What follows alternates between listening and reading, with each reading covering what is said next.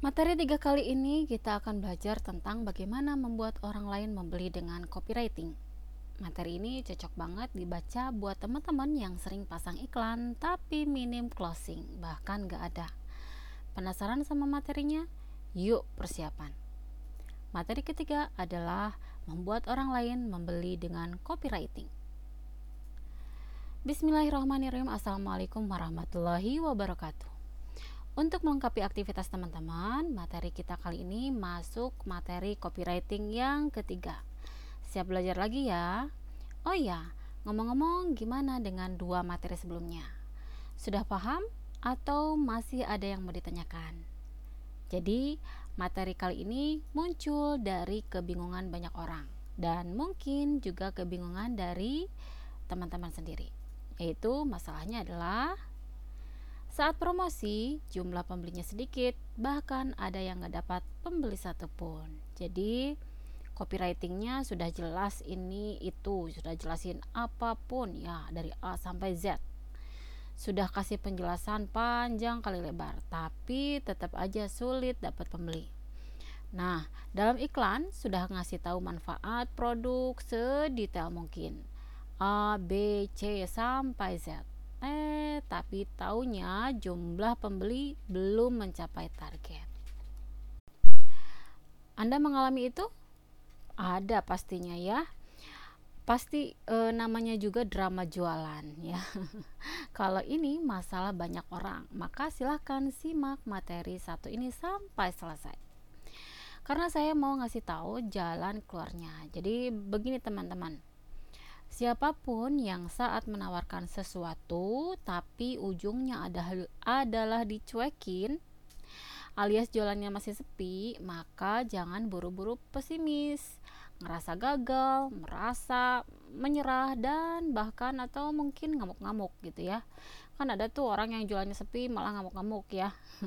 nah, ketika jualannya sepi peminat, coba cek dulu tiga hal ini. Yang pertama, cek apa yang kita jual. Ya, daripada respon yang gak jelas, coba evaluasi aja bertanya kepada diri kita sendiri. Apakah yang saya jual ini memang dibutuhkan orang lain? Apakah mereka butuhnya secepatnya? Ataukah produk saya bisa dimiliki nanti-nanti saja? Atau mungkin yang saya tawari sudah punya produknya, sehingga gak tertarik dengan apa yang saya tawarkan. Ya mungkin masalahnya ada di produk. Bisa saja produknya nggak dibutuhkan orang lain sehingga penjualannya jadi sepi. Nah, karena itu juallah produk yang memang akan laris di pasaran alias yang memang peminatnya banyak. Siapa pun yang menjual produk yang tidak dibutuhkan orang lain, maka siap-siap bisnisnya akan stuck. Kalau orang lain gak butuh ya mereka nggak akan beli kita tidak bisa klaim produk kita bagus karena yang menilai itu adalah target pasar. Ujungnya yang keluar uang kan mereka ya, jadi nggak bisa semau kita dong gitu ya. Nah, jadi pastikan teman-teman menjual produk yang memang akan dibeli orang lain. Lantas, cara tahu produk kita banyak peminatnya seperti apa nih? Teman-teman bisa cek produknya dibutuhkan atau enggak dengan cara tiga hal ini. Ada yang jual produk serupa dan jualannya laris, lalu teman-teman bisa buat versi lebih baiknya. Kedua, dengan cara survei, bertanya ke target pasarnya. Contoh nih, saya mau tanya dong, misal ada produk X dengan kelebihan A, B, C, D, berapa banyak yang tertarik? Nah, itu surveinya biasanya dilakukan di media sosial, kemudian ada respon dari follower atau teman-teman di dunia maya kita. Kemudian yang ketiga dengan cara tes ombak. Buka promo dengan durasi waktu sebentar atau adain giveaway. Nah, kalau banyak peminatnya, niscaya produknya akan laris. Kalau sepi peminatnya, ya gitu deh gitu ya. Jelas ya, poin pertama, kenapa jualan bisa sepi? Benar, karena produknya nggak dibutuhkan. Sekarang kita masuk ke poin yang kedua. Kalau jualannya sepi, cek siapa yang jual. Ya, ini ngaruh banget.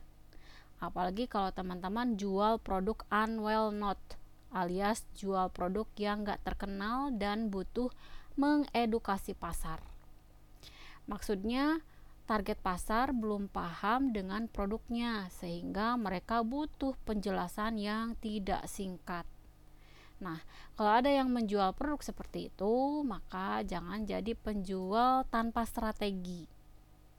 Teman-teman harus bisa mendapatkan kepercayaan pembelinya, karena bisa saja orang yang dijuali sebenarnya butuh produknya, tapi karena yang jual adalah orang yang tidak mereka percaya, maka mereka mengurungkan niat untuk membeli.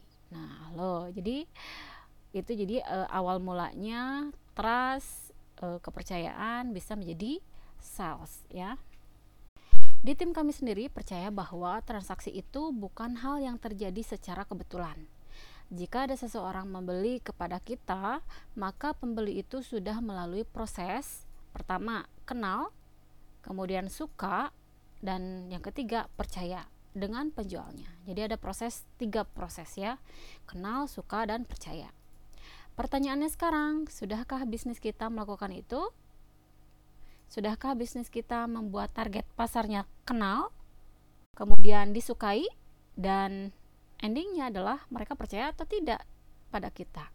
Jadi ada uh, ada slogan yang selalu diulang-ulang yaitu no trust no sales ya nggak ada kepercayaan mustahil ada penjualan di bisnis apa pun berlaku konsep ini jadi pada dasarnya kita hanya mau mengeluarkan uang untuk membeli sesuatu karena kita percaya dengan penjualnya. Kalau nggak percaya ya dompet nggak akan terbuka kan, ya, ya kan.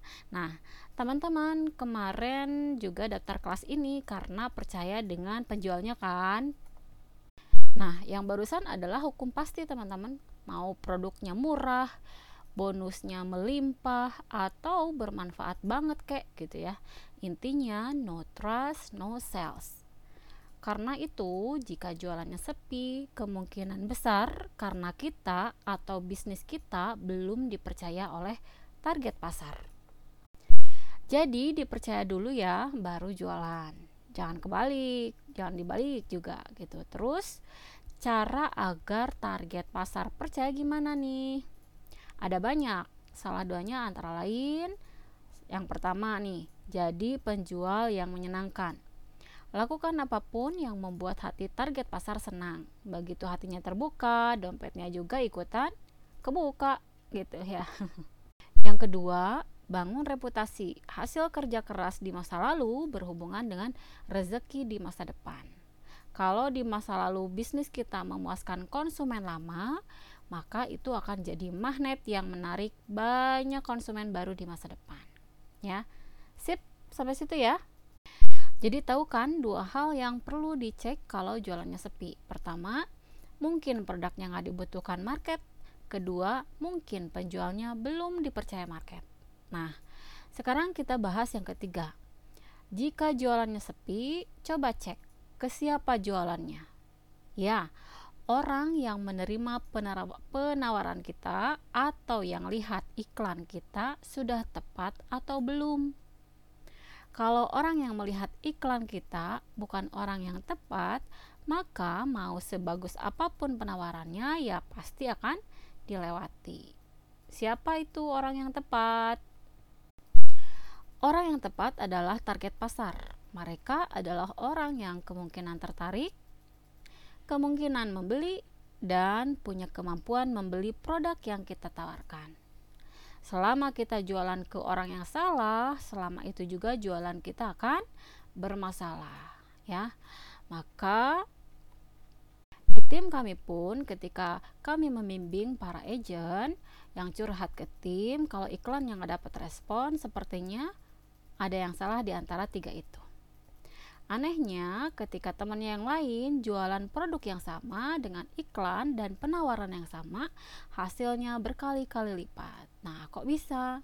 Ternyata eh ternyata sosial media agent yang jualannya masih bermasalah. Teman-temannya masih campur dengan teman di kehidupan pribadi.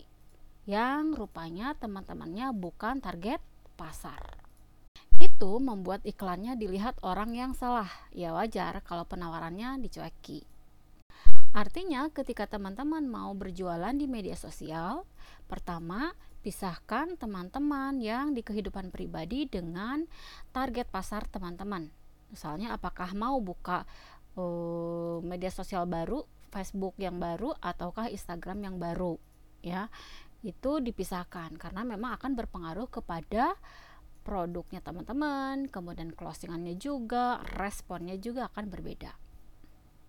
Nah, itulah gambaran produk nggak berubah, tapi yang terima penawaran berubah. Maka hasilnya juga ikutan berubah. Jadi teman-teman bisa jadi selama ini yang jualannya masih bermasalah karena menawarkan produk ke orang yang tepat. Kalau jualannya obat kurus, cari orang gemuk yang pingin kurus gitu ya. Jangan jualan obat kurus ke orang yang kurus ya, tega banget gitu ya. Lalu bagaimana agar bisnis kita ditemukan oleh orang yang tepat? Yang pertama, lakukan profiling target pasar. Nah, profiling ini berkaitan dengan pertama, apa yang mereka minati. Di mana tempat mereka sering menghabiskan waktu. Misalnya di uh, media sosial, media sosialnya apa gitu ya. Sosial media apa yang mereka gunakan? Apakah Facebook, Instagram, Twitter, uh, WhatsApp dan sebagainya. Apa dan siapa yang mereka sukai?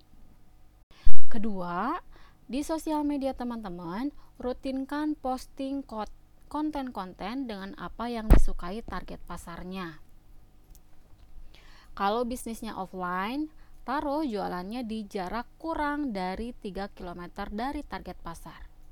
Terlihat oleh target pasar dan mudah dikunjungi. Nah, pada dasarnya setiap produk ada jodohnya, termasuk produknya teman-teman juga.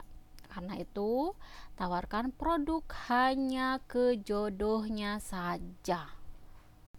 Kalau bukan jodoh ya jangan dipaksa ya. Nah, jadi kesimpulannya, kalau sulit dapat pembeli, bisa jadi mungkin kita menjual produk bukan yang dibutuhkan. Mungkin kita belum dipercaya calon pembeli atau mungkin kita jalannya atau jualannya ke orang yang salah. Nah, untuk dapat hasil yang berbeda, maka lakukan sebaliknya. Pertama, jual produk yang dibutuhkan. Jadi penjual yang bisa dipercaya dan jual ke orang yang tepat, ya. Sekarang paham ya? Yang saya jabarkan itu adalah konsep dasar dari kalau copywriting yang akan kita buat. Nah, kalau dari sudut pandang copywriting bagaimana? Nah, ketika kenapa iklan yang berisi detail penjelasan tentang manfaat produk tidak menghasilkan penjualan atau kenapa orang lain setelah baca copywriting kita tidak membeli produknya? Kenapa? Alasannya ada banyak. Tapi pada dasarnya saat kita berbicara tentang copywriting, kita harus ngerti bahwa belajar copywriting itu sama juga artinya dengan belajar memahami manusia. Selamanya kita nggak akan bisa nulis copywriting yang bagus kalau kita nggak paham soal manusia. Karena copywriting yang bagus itu sebenarnya adalah yang mampu mengarahkan pembacanya untuk melakukan sesuatu. Nah, masalahnya yang kita coba arahkan ini manusia, manusia itu berpikir, responnya berbeda-beda, dan sifatnya macam-macam. Nah, itu kita coba gerakan pakai tulisan.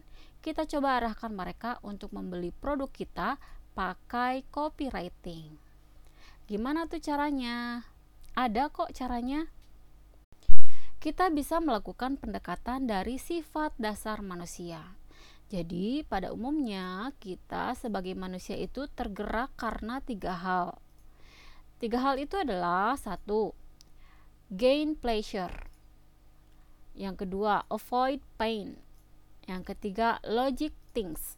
Atau mudahnya begini, manusia akan tergerak melakukan sesuatu karena Pertama, mengejar kesenangan. Yang kedua, menghindari rasa sakit.